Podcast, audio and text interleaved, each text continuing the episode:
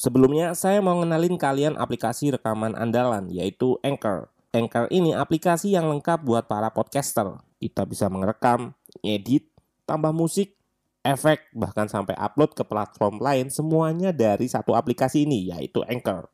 Nah, aplikasi ini bisa kalian download di App Store atau Play Store, atau bisa juga dari website langsung di www.anchor.fm. One app that your podcast need. Oh ya, Anchor ini gratis, free transfer. I've just seen the most insane goal I have ever seen on a football pitch. Incredible!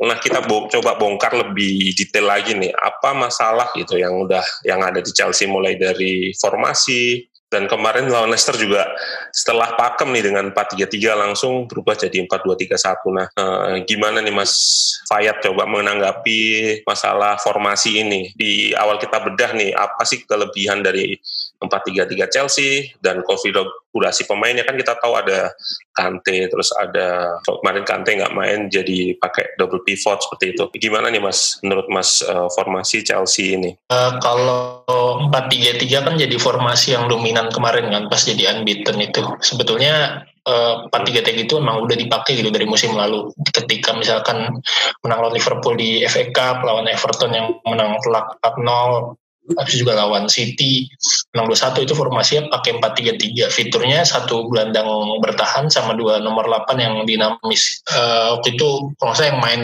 di 8 itu Mount sama Barclay. Nah ini coba yang mungkin coba diemulasi di 4-3-3 yang kemarin gitu dengan memaksimalkan peran dari Mason Mount dan Kai Havertz. Terus juga di belakangnya ada Kante yang bagus buat motong-motong ketika transisi. Jadi ketika pakai dua attacking nomor 8 itu nggak nggak masalah gitu. Nah cuman memang memang sebetulnya ketika pas habis unbeaten itu terus kalah-kalah itu walaupun pakai formasinya sama tetap ada aspek-aspek yang kurang gitu. Ketika di uh, unbeaten ada cuman pas di yang kalah itu mulai nggak kelihatan. Kayak misalnya nggak ada lagi gelandang yang bikin running behind kan kita tahu. Misalkan saya kanan itu Ziyech suka melebar buat cari angle buat dia diagonal. Nah itu tapi ketutup. Kenapa? Karena gelandang 8 sebelah kanannya itu nggak bikin running behind. Kalau lihat ingat golnya Temiok lawan Sheffield kan awalnya juga Kovacic itu kan yang bikin Kovacic. running behind itu kalau pas kalah-kalah itu ya mulai kelihatan tuh apa ya semua pemain minta bola di depan blok gitu jarang yang dia bikin uh, gerakan buat stretch defense vertikal gitu kan itu kan juga eh, gerakan-gerakan yang ngebuka ruang. Ya fast forwardnya sekarang sih kalau yang menarik di notice itu Lampard mulai berani coba pakai 4-2-4 gitu kayak lawan dari lawan Morecambe itu yang di FA yang ya walaupun lawan tim divisi 2 gitu cuman udah mulai dicoba di menit 70-an ke atas lawan Fulham juga dicoba di 20 menit terakhir pakai dua striker antara Giroud dengan Abraham atau Giroud dengan Werner gitu. Terus kemarin lawan Leicester full 90 menit pakai 4-2-4 itu. Jadi ya walaupun Havertz dipasang kayak nomor 10 cuman emang dia konsisten buat ada di garis paling depan gitu sejajar sama Abraham. Dan itu yang bikin apa ya semacam si Havertz atau Werner ini main di posisi yang diinginkan gitu. Jadi nggak terlalu melebar nggak terlalu ke dalam lebih dekat ke gawang lawan dan bisa kasih trade. Kalau Leicester itu kalau ingat peluangnya Arsenal di menit 30-an itu kan gimana si Havertz bisa eksploitasi ruang antar lini kombinasi sama Kovacic terus eh sama Pulisic sorry. Terus bikin umpan terobosan ke Hudson Odoi itu yang sebetulnya yang dicari gitu dari Havertz gitu. Kalau lawan Leicester juga sering dia nemu ruang-ruang di situ. Jadi mungkin uh, kalau secara ofensif ya itu udah mulai kelihatan kalau Lampard udah mulai nyoba-nyoba sistem yang baru. Cuman emang isunya uh, lebih banyak soal defense sih. Karena kan lawan Leicester juga cuma pakai dua gelandang, dua-duanya juga emang tipikalnya bukan yang uh, tipikal gelandang yang main di belakang gitu, Mount sama Kovacic. Jadi emang agak-agak uh, risiko gitu kalau lawan bisa bypass empat forward depannya kalau dari saya sih terlepas dari formasi ya. Kalau formasi kayaknya dari yang tadi Pak jelasin udah udah lengkap lah gitu. Cuma yang saya amatin sih apa pun itu formasinya gitu. Pemain Chelsea itu seakan kurang berani lah untuk progresi ke dalam shape lawan gitu. Jadi untuk nusuk ke dalam shape lawan terus yang megang bola di dalam shape lawan, terus dribble sedikit, atau uh, passing kombinasi di dalam shape lawan, mengeluarkan lawan dari zonanya itu jadi uh, passing, dapat passing di dalam shape antara first time back pass atau ya ngebalik ngebalik dulu gitu, baru baru habis itu cari passing lagi, tapi passingnya tetap keluar lagi gitu. Hmm. Jadi kalau banyak passing keluar shape sih kalau menurut saya, akhirnya kan jadi ketika mau buat peluang di ruangnya itu jadinya dari sayap gitu. Akhirnya hmm. crossing crossing dan crossingnya pun bukan dari area yang potensial gitu. Crossingnya kan dari deep banget gitu. Biasanya kan yang crossing juga Chilwell atau James gitu hmm. overlapping si uh, fullbacknya dan targetnya pun sebenarnya kan yang paling capable buat main crossing gitu cuma Giroud gitu Abraham. Akhir-akhir ini kalau menurut saya belum belum kembali ke performa musim lalu lah gitu. Jadi baru Giroud dan akhirnya bisa mudah dibaca gitu. Akhirnya ya udah biar lawan bisa ngebiarin aja Chelsea main keluar shape-nya keluar shape-nya habis itu crossing ya bisa lebih mudah diantisipasi. Bisa dibilang ini keterkaitan dengan pernyataan Mas Fayat tadi bahkan hmm. apa soal kurangnya nomor 8 yang run in behind gitu. Jadi nggak ada pemain yang ya, ya. yaitu opsi-opsi lain selain crossing gitu. Bisa dibilang seperti itu. Nah, berarti masalahnya adalah menemukan balance. Jadi Mas Fayat juga sempat bilang uh, Kovacic dan Mount, Mount bukan pemain yang stay deep. Nah, masalahnya berarti menemukan uh, balance di tengah ini antara menyerang, bertahan, dan transisi. Karena tadi Mas Fai juga sering nyebut masalah menyerang aja. Nah, gimana nih soal bertahan? Kita kan bertahan ini kalau Chelsea kan meniti beratkan atau menyerahkan hampir semua pekerjaan bertahan itu ke Kante. Nah, bagaimana dengan Kovacic? Sorry, Kovacic kalau main atau Havertz yang juga sering juga main di posisi nomor 8 dan juga Mount gitu. Bagaimana ini balance dari tiga pemain ini? Uh, kalau ini ya kalau isu bertahan sebenarnya kan mulai dari struktur serangannya juga gitu ya. Emang dengan struktur serangan yang uh, ofensif emang ada sedikit yang dikorbankan, terutama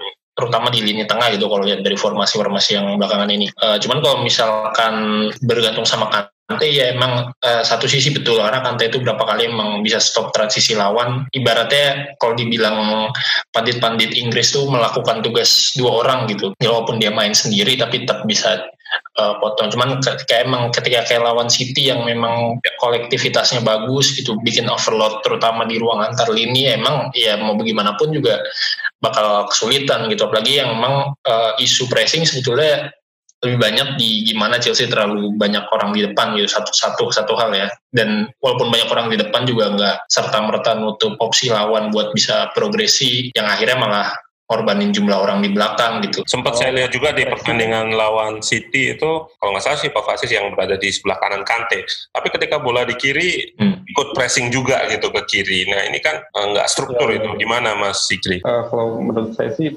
salah satu permasalahan. Eh Chelsea kan main sebelumnya Chelsea kan main high pressing juga gitu ya kayak yeah. kebanyakan tim sekarang lah gitu karena Lampard tuh uh, memang di beberapa press conference dari awal dia ngelatih Chelsea juga dia ngomong kalau cara dia main adalah uh, menyerang dengan cepat gitu memindahkan bola dengan cepat dan high pressing gitu. Cuma kalau yang menurut saya gitu high pressingnya itu lini pertamanya cukup tinggi gitu dia ngepressnya. Sampai ke lini pertahanan lawan tapi lini tengah dan lini belakangnya nggak terlalu naik gitu ya. Ini positif negatif sih. Jadi kalau lini pertahanannya naik eh, lini pertahanan lini tengahnya naik berarti ruang antar lininya kan sempit tapi ada ruang di belakang lini gitu yang bisa dieksploitasi. Cuma kalau mereka nggak naik berarti ruang di antar lininya itu banyak banget gitu dan itu bisa dieksploitasi. Nah yang saya lihat sih sejauh ini Chelsea itu seringnya seperti itu gitu. Jadi lini tengah dan lini pertahanannya nggak naik, banyak ruang di antara lini, jadi lawan tuh cenderung mudah lah gitu untuk progresi, untuk uh, mengeliminasi lini pertama pressingnya gitu. Setelah itu ya akhirnya apalagi kalau lawan pemain yang berkualitas gitu yang dia bisa mungkin dribble dulu sedikit atau main kombinasi gitu jadi lebih mudah dieliminasi lagi. Oke, jadi nggak nggak kompleks secara apa vertikal ya? Nggak kompleks secara vertikal ya. Aplikasi all-in-one dan menjadi andalan para podcaster buat rekam podcast mereka, namanya Anchor. Pakai Anchor ini, kalian nggak perlu peralatan ribet kayak studio kalau mau ngerekam. Semuanya bisa dari smartphone kalian menggunakan Anchor. Anchor bisa kalian download di App Store atau Play Store. Mudah banget. Di Anchor, kalian nggak hanya bisa ngerekam audio, tapi juga bisa ngedit langsung di sini. Nggak sampai di situ, Anchor juga dapat mendistribusikan konten kamu ke platform lain Contohnya Spotify, Apple Music, dan lain-lain. Keren banget, satu aplikasi buat semua kebutuhan. Jadi nggak perlu aplikasi-aplikasi editing lain. Daripada kalian makin penasaran, mending langsung aja download Anchor sekarang. Oh ya, Anchor ini gratis loh. Nah, itu adalah masalah gitu, masalah Chelsea yang sebetulnya kalau di garis besar ya waktu laga unbeaten itu sebetulnya struktur waktu pressing itu sebetulnya nggak nggak begitu terlihat gitu. Namun hmm. ya entah kenapa di unbeaten ini uh, terlihat. Apakah ini juga faktor seringnya gonta-ganti starter uh, line up terus kemudian beberapa pemain ini banyak fans yang suka ngeritik. Maksudnya soal penempatan posisi dari pemain-pemain terutama ya pemain-pemain yang baru gitu seperti Harvard terus Harvard kan uh, kita tahu ya waktu di Leverkusen ini uh, di data kemarin saya sempat share di Twitter juga lebih banyak bermain di posisi CAM atau di nomor 10 atau di belakang striker dan di sayap kanan gitu di formasinya di Leverkusen. Si Werner juga ini yang jadi isu banyak isu kenapa dipasang di sayap kiri. Nah soal penempatan posisi ini bagaimana ya Mas? Uh, terutama untuk dua pemain ini. Iya kalau Harvard sebetulnya waktu itu so, awal-awal musim sempat ada analis yang dia analisis heat mapnya Werner dan Harvard dibandingin sama pemain-pemain yang udah Chelsea punya waktu itu. Jadi ya emang ada satu stuck antara Harvard sama Ziyech dan Werner sama Pulisic.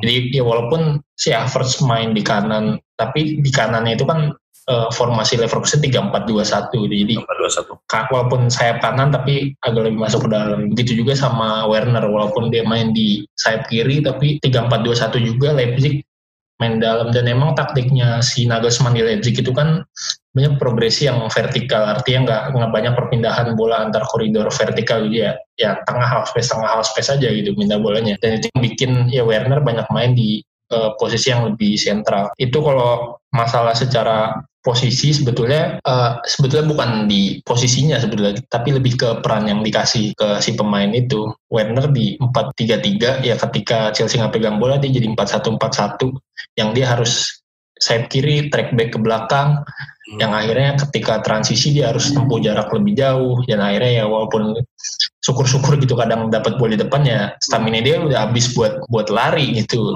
Dan ya Werner nggak nggak lebih bagus di peran itu dibanding misalkan Hudson Odoi atau Pulisic. Begitu juga sama ya Havertz gitu.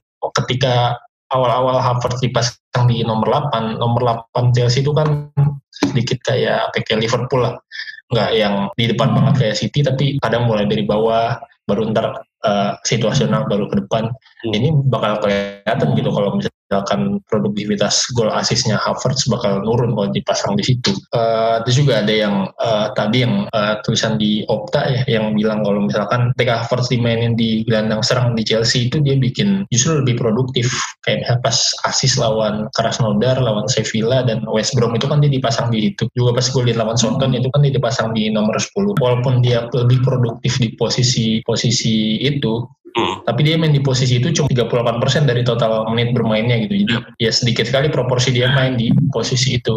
Cuma mungkin kalau emang uh, ya posisi, Lampard mungkin juga harus gamble sama struktur yang udah lagi dia bangun gitu ibaratnya kan. 4-3-3 yang unbeaten itu.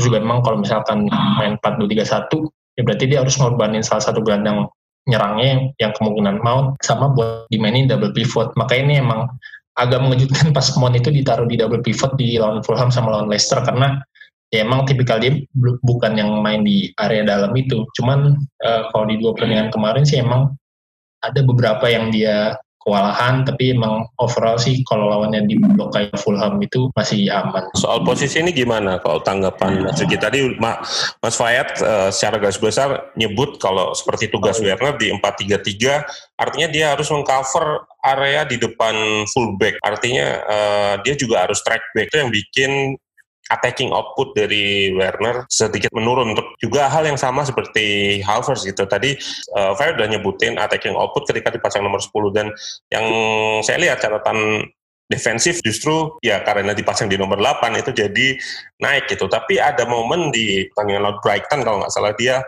uh, lost possession di situasi yang sangat krusial. Kalau di posisi nomor 10 sih oke okay, gitu. Maksudnya masih ada uh, backup dari dua pemain di belakang kalau pakai 4-2-3-1. Tapi ketika bermain di posisi 8 dan melakukan kesalahan yang di seperti nomor 10 itu bisa berakibat fatal. Tapi waktu di laga Brighton itu dia juga melakukan track back. Nah ini ada defensive output yang diberikan oleh Harvard. Nah menurut Mas Zikri untuk posisi ini gimana? Uh, yang tadi dijelasin Mas Fred udah udah mencakup semua sih hmm. kalau dari segi taktikalnya gitu ya. Jadi memang yeah. mereka kan sedikit berbeda lah dibanding uh, peran di timnya yang dulu gitu. Cuma hmm. kalau dari saya sih uh, ya di Mas Fahid juga tadi di akhir sempat bilang kalau dia Lampard tuh udah buat struktur dan dia harusnya Werner dan Havertz tuh bisa bermain dengan peran yang mendukung struktur itu gitu. Jadi hmm. kalau menurut saya ya Lampard oke lah gitu kemarin-kemarin nggak menggunakan Havertz dan Werner dengan baik gitu tapi kalau melihat